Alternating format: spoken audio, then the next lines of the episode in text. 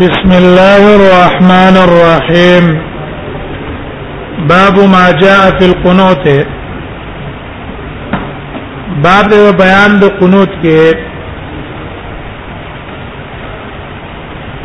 وتر کې بکم قنوت و او کم ټیم به دا غي متعلق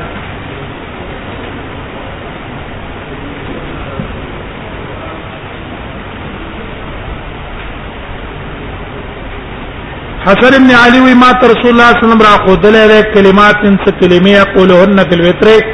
زه په وتر کې وایم هغه دای اللهم اهدنی فی من هدایت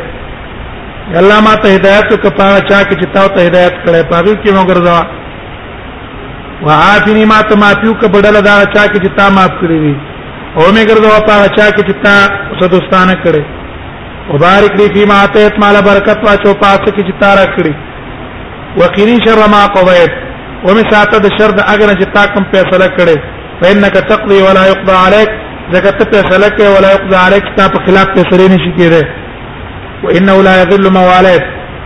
ذلیلی کې نه اوسو چې تاسو دوستانه کې تبارک ربنا وتعالى برکت پر کوم کې ته رب زمنګ وتعالى تلوي شان علایت دا دویم ته خودلې دا دوی قنوت وفي الباب علي ابو اسحاق يا جابر بن حسن لا نعرف الا من هذا الوجه من ابي سعيد الحوراء السعدي وذكر ربيع بن شيبان ولا نعرف عن النبي صلى الله عليه وسلم في القنوت شيئا احسن من هذا او دعای قنوت کې د دې پر خسته سند نشته دا قول د بعض علمو دا سفیان ثوری مو ابن مبارک کو ساق مو کوفی والا مو ته ټول کال کې با دعای قنوت وې او دا قول د عبد الله بن مسعود نه هم نقل لای ټول کال کې به وې الوتر دیو څه کړه ده وې دیو فراد الله واختلفا اهل العلم في القنوت في الوتر عبد الله بن مسعود القنوت في الوتر في سنه كلها وي په ټول کال کې قنوت ویل پکار دي واختار القنوت قبل الركوع او د رکوع نه مخکې قنوت غوړه کړی دی دا د احناف مذهب هم نه او د امام احمد او د حنابلو قول هم نه رکوع نه مخکې وهو قول بعض العلم وبه يقول سفيان الثوري بن مبارك وساق الكوفه ها وقد روي عن علي بن ابي طالب علي بن ابي طالب نقل لانه كان لا يقنط الا في النصف الاخر من رمضان چې دا قنوت نه ویلو مگر په نصف اخر کې د رمضان پکې به قنوت ویلو وكان يقنط بعد الركوع او قنوت به ركوع رستك وقد ذهب بعض العلم الى هذا او بعض علماء دې قول په ستیری دي لکه امام شافعي امام احمد هغه هر کال وتر نه پکار صرف رمضان په اخر کې قنوت ته دیو جن احناب په نسبت باندې قنوت واجب ده ته پریکټیس کوڅو چې زب ثواب کې جمهور علما یې چې نه دا هر کال قنوت نشته ده صرف پر اخر رمضان کې به کې باون چې رجو انا ما یتر وینسیا باندې دا نو کې سره د وترونه او د پاتو زیات تیر شو چې کله تر آیات دا وتر بکې اصل په اختلاف په دې کې ده چې آیا د سبا را خاتون رښتو کولای شو کنه نو خاتنه بعد ده کې نو یو قول علماء دا ده چې دې حدیث کې دا دي من نام عن وتری فليصلي اذا اصبح سبا دې کوي کا من نام عن صلاه او نسيه فليصلي اذا ذكره دویم قول د علماء دا ده چې نه د نور خاتنه بعد د قضا راوړي او تاک په نه راوړي جوس په راوړي دا حدیث د وجه نه چې نبی صلی الله علیه وسلم به د ورځې څو رکعات وکړه دوله رکعات به وکړه من نام یتر او نسیو فلسلی ذا ذکر و اذا استيقظ او کله چې ریښ شو دا بل روایت هم ده عربي ان النبي صلى الله عليه وسلم قال من نام عن وتري فليصلي اذا اصبح وهذا اصح من الحديث الاول اذا حديث دمخ کې حدیث په نسبت باندې صحیح ده وما ورد ده ابو داود السجزينا عندك امام ابو داود ده لکه دا امام ابو داود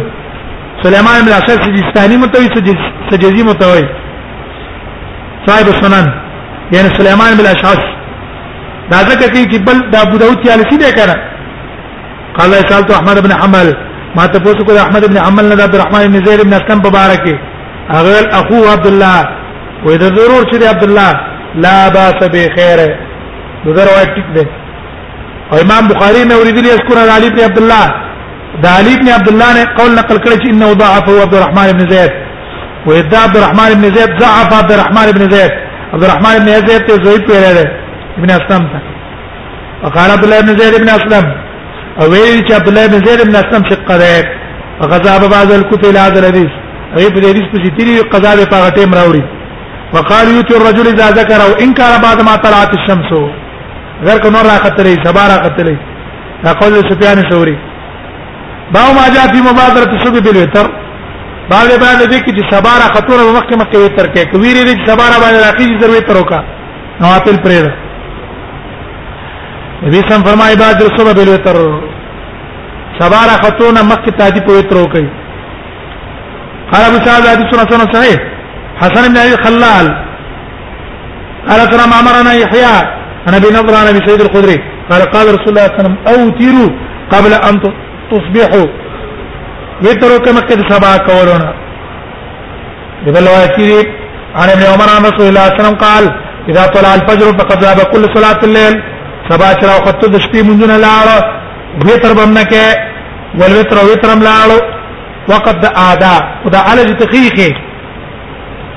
فاوتروا قبل طلوع الفجر نو سبا رکعتونه مکه وتر وکړي تفرد بي على هذا اللفظ وروي عن النبي صلى الله عليه وسلم انه قال لا وتر بعد صلاه الصبح سبا ترى اخت وتر نشتا خدينا وتر مراد دوام ده ما قضا کوله شي هغه یو قول مطابق چې کله دنا ته خوب د وجنه پاتې شي یا د نسیان د وجنه لا وتر بعد صلاه الصبح وقول غير واحد من العلم دا قول الشافعي احمد اسحاق هم لا يرون الوتر بعد صلاه الصبح لبان ورست وتر جائز نه دي باو ما جعل وتران في ليله دا اوس مسله د نقص بیانوي ما خصم چې وتر وکړه او د شپې تهجد تر پاتې دله نو یو قول له بعض علما ده چې عثمان نم نقل له عبد الله ابن عمر نم نقل له او اسحاق نم نقل له هغه قائل دي نقل چې ترا اولګيږي یو رکعت نه پلوکا او دا هغه مخکینی وتر سزم کنه هغه مخکینی وتر دي څه شو شپش بیا مونږه که په اخر کې به وتر وکي او اجعلوا اخر صلاتكم بالليل وترا دی دا قول په څه باندې ګرځولای په وجوب باندې او دا ویلي دي چې د وتر نرسته نوافل باندې کې لیکن جمهور علما قائل د نقض نه دي او نقض ټیک نه دی رسول الله صلی الله علیه وسلم ثابت نه دی او اجلوا اخر صلاتكم الليل دا ته استحباب غي ګرځوره چې د شپې را پاتې نه پلوکا دلیل پر هغه مخکینی روایتونه چې رسول الله صلی الله علیه وسلم دوه رکعات په ناس تکړه دي کړې دي کړې نو امر وجوبي رسول الله صلی الله علیه وسلم دوه رکعات مناسته نه کوله ها ورستو به تر نشي کوله ځکه په یو شپه کې دوه تر جایز نه دي طلق ابن علي د خپل پلان روایت کوي ما رسول الله صلی الله علیه وسلم یقول فرمای بلا وترانه فی لیلا په یو شپه کې دوه تر جایز نه دي قال ابو سعيد هذا حديث حسن غريب واختر فار الذي يتر من اول الليل علماء اختلاف په بعض بعض عکس کې جدا ول شپه کې وتر وکړو ثم يقوم الى اخر به پاخر شپه کې تهجد تر پاتې دو فرا بعض من اصحاب النبي صلی الله عليه وسلم بعض اصحاب اصحاب النبي صلی الله عليه وسلم دا وای ومن بعده نقض الوتر چې وتر پرې پستلش وقالوا دې مې دي دوی په لاره رکا یو رکعت دوسه ځای کوي ويصلي ما بدا له او چې څونه خوخي هغه به کوي ثم يوتر في اخر صلاتي په اخر مونږ کې به وتر کوي لانه لا وتران فی لیلا زکه په یوش پکې دوی تر جایز نه دي او هو الذي ذهب الى ساق دا قول اسحاق دی وقال بعض العلم بعض العلم دا اصحاب النبي صلی الله علیه وسلم ویلي دي وغيرهم اذا اوتر من اول الليل دا سره په اول عشاء کې وتر کی ثم نام به ودشي ثم قام او بیا را پاتې من اخر ته اخر شپه کې انه يصلي ما بدا له سونه فقيه بکې ولا ينقض وتره پر وتر بنه ماته ويدعو وتر وتر به پریدي علا ما کان اق طریقه او دا قول سفیان ثوری ده مالک ده ابن انس ده احمد ابن مبارک ده دا قول صح ده امام امام ترمذی قائل ده عدم نقض لانه قد روي من غير وجه لکه بډېرو طریقو ثابت دي چې نبی صلی الله علیه وسلم قد صلى بعد الوتر مخکې ابو داود کې مرایتونه ویل کړه وتر نبی صلی الله علیه وسلم درکاته اناست کړی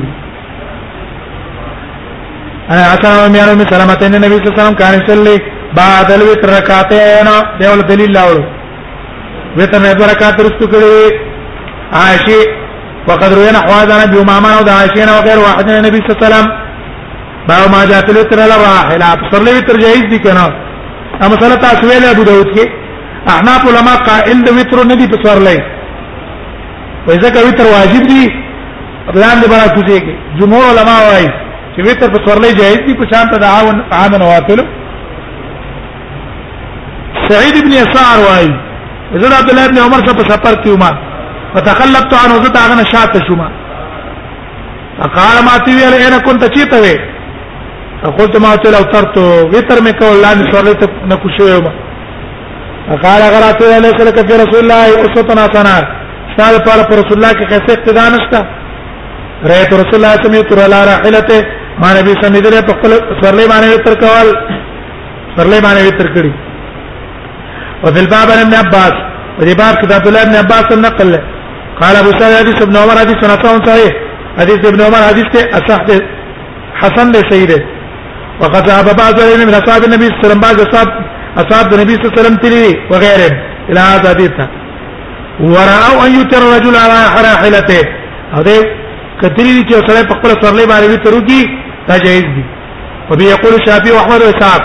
دی باندې امام شافعي قول کړي احمد کړي اسحاق کړي وقال بعض العلم لا يتر الرجل على راحلته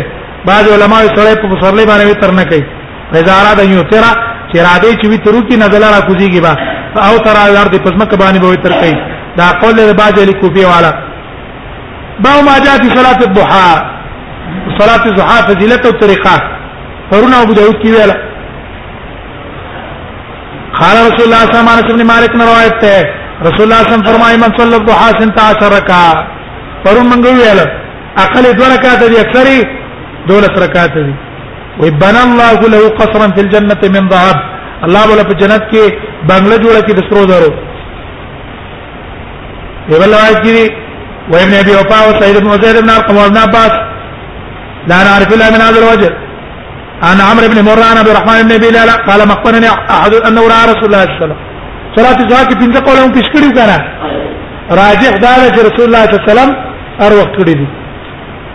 وما اخبرني احد انه رسول الله صلى الله عليه وسلم الدعاء وما خبرنا دا کړې تن چې رسول الله صلی الله علیه وسلم په حال دي مگر ام هاني ان حتى صد دې حدیث بیان کړ چې رسول الله صلی الله علیه وسلم دې کور تراغه ورځ پته د مکه وخت صلا نو ویل امبل پس پس با سمانه رکا رکا تترکات وکړه ما رسول صلی الله علیه وسلم قد وقف منها زر زر وکړه ها غیر انه یتمر کو او سجود کو سجده کې پورا کړی قال ابو سعيد هذا حديث حسن صحيح وكان احمد وكان احمد را اصح شيء في هذا الباب وياك احمد په دې باب کې د حدیث څه ویل لري حدیث دوم یاني واختلفوا في نوعين په دې نوعين کې اختلاف دی چا ویل نوعين ابن خمار دی چا ویل ابن حمار دی چا ابن حبار ویل دی چا ابن حمام ویل دی وسیدارت ابن حمار دی ابو نعیم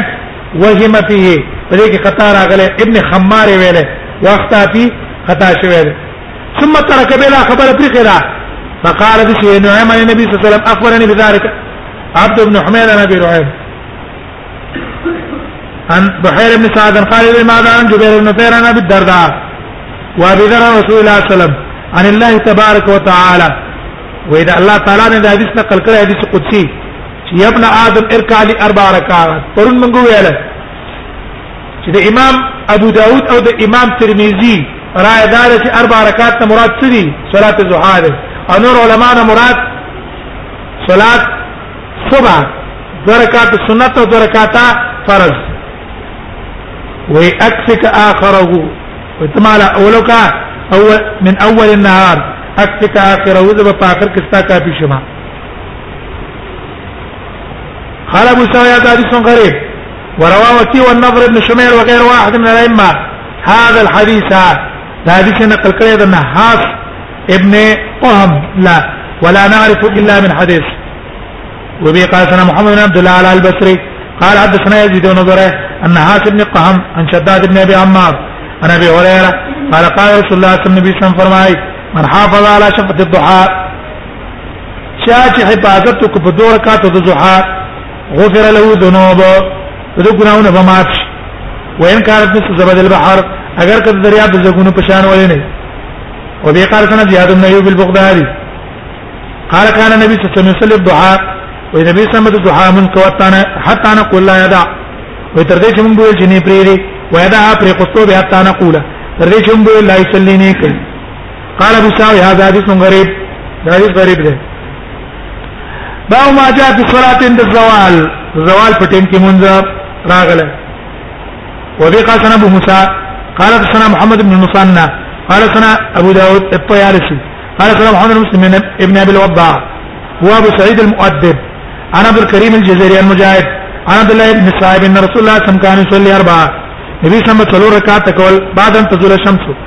پس زوال قبل زوره د ماسپخین نمک کې فقال ان ساعه تفتح في ابواب السماء دا چې تیم د دروازې اسمان دوی کولاویږي و و واحب ان يصعد لي في عمل صالح زړه خو غنم سما په دې کې نه ممکن کمال الله توفیق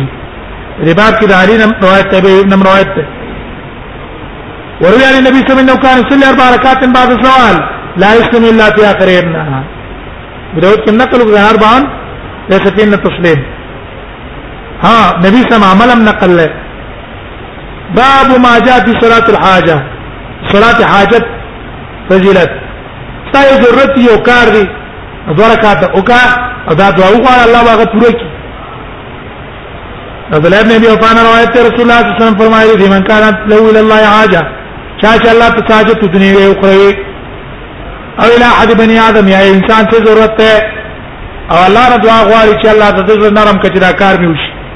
بلې توضع او د سپیو کې ورسنه لزو او خسته او د سپیو کې ثم صل رکعتين به د رکعتو کې ثم الاثنين على الله به ثنا او کې په الله باندې او صلی الله نبی په نبی سمې دعا او کې پر اللهم ربنا سره دا دعا وې ثم ليقل به دې اللهم لا اله الا الله الحليم الكريم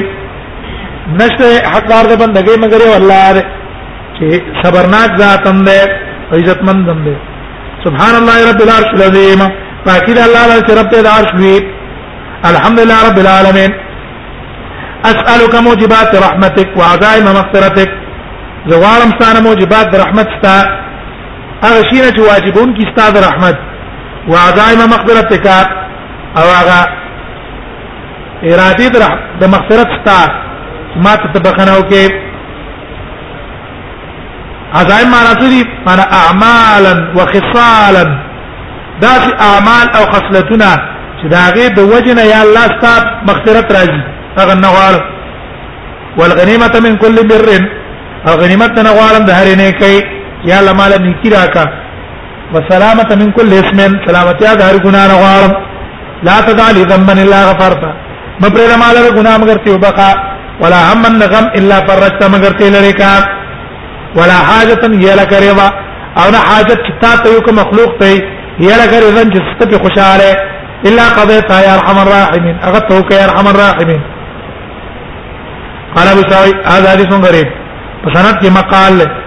فائد بن عبد الرحمن چې ضعف په الحديث تاریخ کې کمزور ویل شوی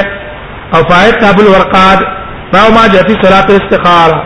صلاه استخاره صلاه استخاره مې منځه ته یو کار کې اراده دې شي غستلو یا چا سره د شرکت یا د عمل کولو یا د خدي کولو یا وغیرہ ذالک هر کار کې او پرز باندې کې ګور استخاره نشته کا دا پڅ کې دا په عام امور کې د طاعت په امور کې او د عبادت په امور کې به استخاره نه وي چې ته استخاره کې ته ولګې را پر منځ کوم کوم نه کوم نه کېوي یا ولګې استخاره کوم نن سبق ویا مکه نه یا نن درس کلاس څخه کلام نشم کم چې ستا روټین والا امور دي پاتې مستخاره نه هر هر ورځ هم سره کوو استخاره به نه کوو دا ته مراد هغه کار دی چې ناشنا غوند کی کاری ستا په روټین په عادت کې نه ده ته استخاره کوي چې دا کار کوم کوي نه کوم څنګه به به استخاره کې خوب لیدل لازم نه دی خوب به نه نه دا عمل چې نو کو الله په پزړه کې واچي کولو نه کولو یا وی کیا نه کولو جابر بن عبد الله كان رسول الله صلى الله عليه وسلم الاستخاره نبی صلی الله علیه وسلم استخاره خدلا په امور کله په ټولو کارونو کې کما يعلمنا الاستخاره کما يعلمنا سوره من القران لکه څنګه به چې موږ ترا خو د سوره القران یقول ویل به ذا ما دکم بالامر کله چې قصو کې او تن تاسو په یو کار په هر کار کاته اندر کاته دیو کې بن غیر الفریضه د فرض نه بغیر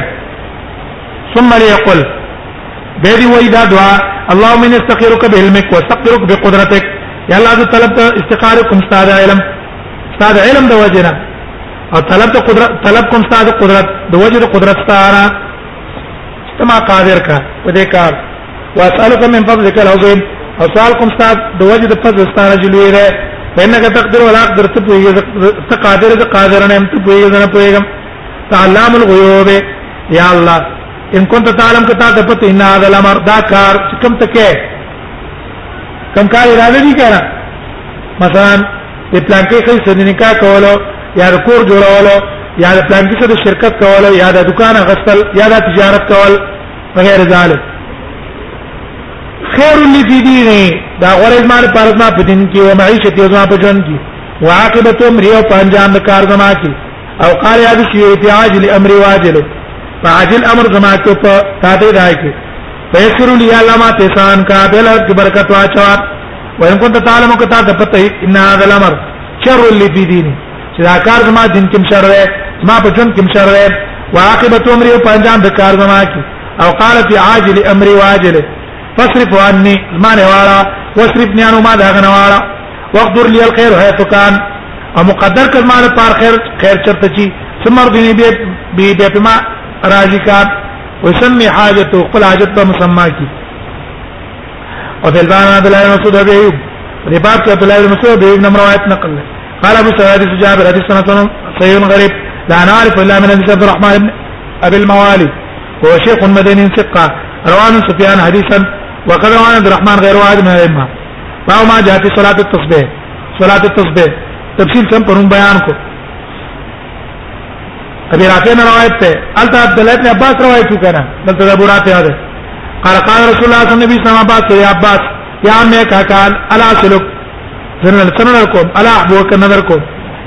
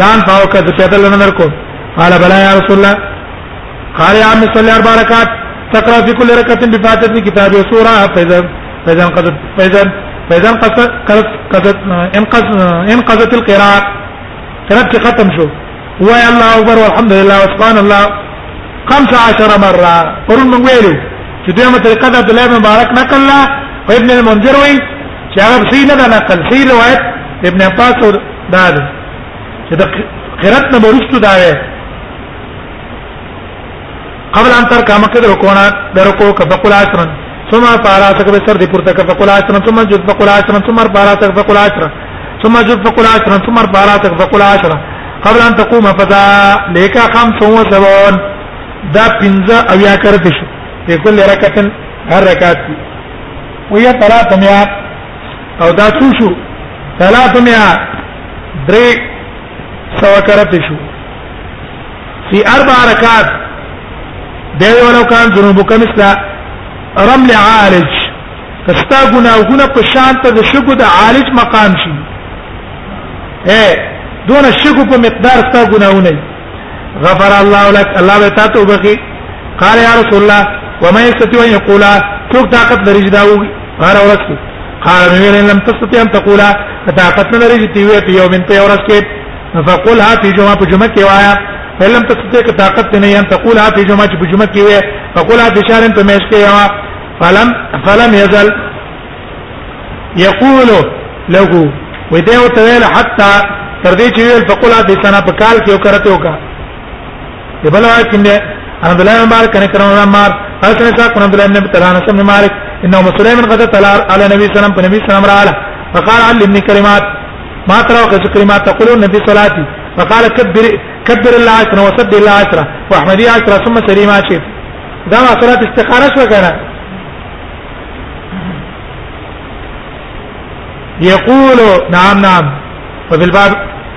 عن ابن عباس عبد الله بن عمر فضل ابن عباس ابي رافع قال ابو سعد سنه حديث سنه غريب وغير يعني النبي صلى الله عليه وسلم غير حديث غير حديث دي حديث سنه په صلاه تسبيح کې نقل لي ولا يصح من كبير شيء وسندونه کې کلام شته او پرون موږ ویلو چې روایت په درجه ده څه کړه حسن کې ده وقد روي وقد روى ابن مبارك وغير واحد من علم صلاه التسبيح نقل کړی صلات تسبیح وذكر الفضل في فضل به ذکر کړی دی ابن وهب وايي ما تاسو کو دا مبارک نه ان صلات التي يسبح فيها دا صلات چې په کې تسبیح ویل کی قال يكبر الله اکبر بووي به وي سبحانك الله وبحمدك وتبارك اسمك وتعالى جدك ولا اله غيرك به پنځل کرته وي سبحان الله والحمد لله ولا اله الا الله دا طریقه دا نقل شو مرفوع رسول الله نه نقل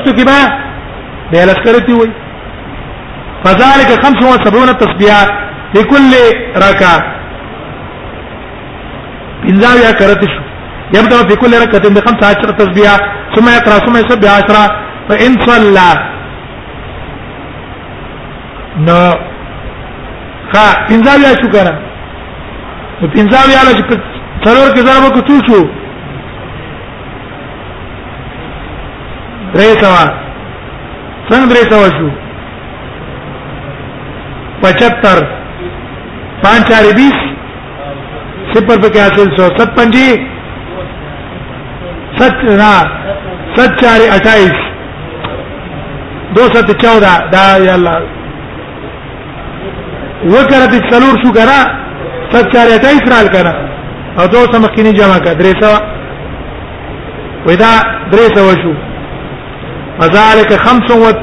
وسبعون تسبيحة في كل ركعة يبدأ في كل ركعة فإن شاء سلم ويحب أن يسلم فيقول خلاص بيت توشو ثم يسبح أسلم فإن صلى عليه لا لكن شبيه تعجد كول ويحب أن يسلم في كل ركعتين صلوا ركعت ديوكي خبطوه سلام وإن صلى نهارا فإن شاء سلم وإن شاء لم يسلم قال أبو أبوي وأخبرني عبد العزيز وابن أبي رزمة عن عبد الله أنه قال يبدأ في الركوع بسبحان ربي العظيم وفي السجود بسبحان ربي الأعلى ثلاثا اول دا تسبیحات رکوعی به برسو دا تسبیحات وي قال احمد بن عبده قال تنواد بن جمعه قال اخبرني عبد العزيز بن رزمه قال قلت لابن المبارك انتهى فيها وما عندك ساوى شو ايسبح في سبيسا عشرة عشرة قال لا وهنا انما هي 300 تسبيح درس وتسبيحات باو ما جاء في صفه الصلاه على النبي صلى الله عليه وسلم النبي صلى الله عليه وسلم باندې درود په کومه طریقه ده دا تیر شوی دی کعب بن زرع قلنا يا رسول الله هذا السلام عليك قد علمنا سلام کوم ته معلوم دی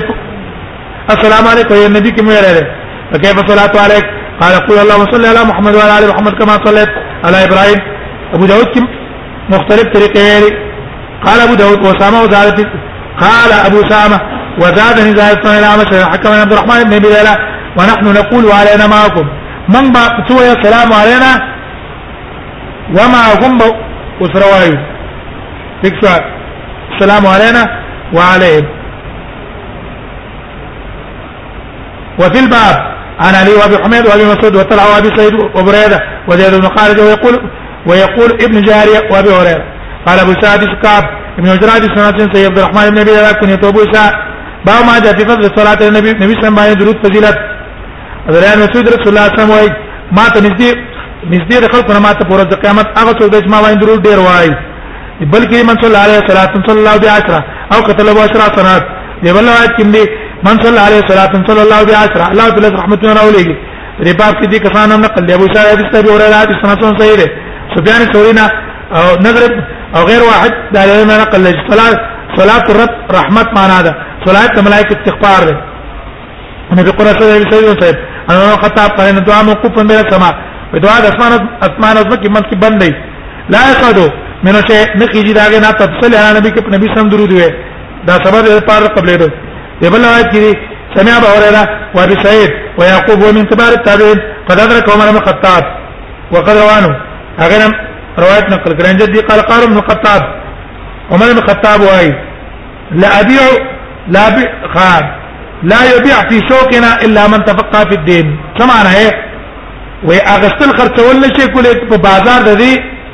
محدثینو کې الا من تفقه فی الدین مگر آسو چې بدین کویږي علماء په مجلس کې هغه څوک چلیږي چې څوک بدین باندې کویږي ابواب الجو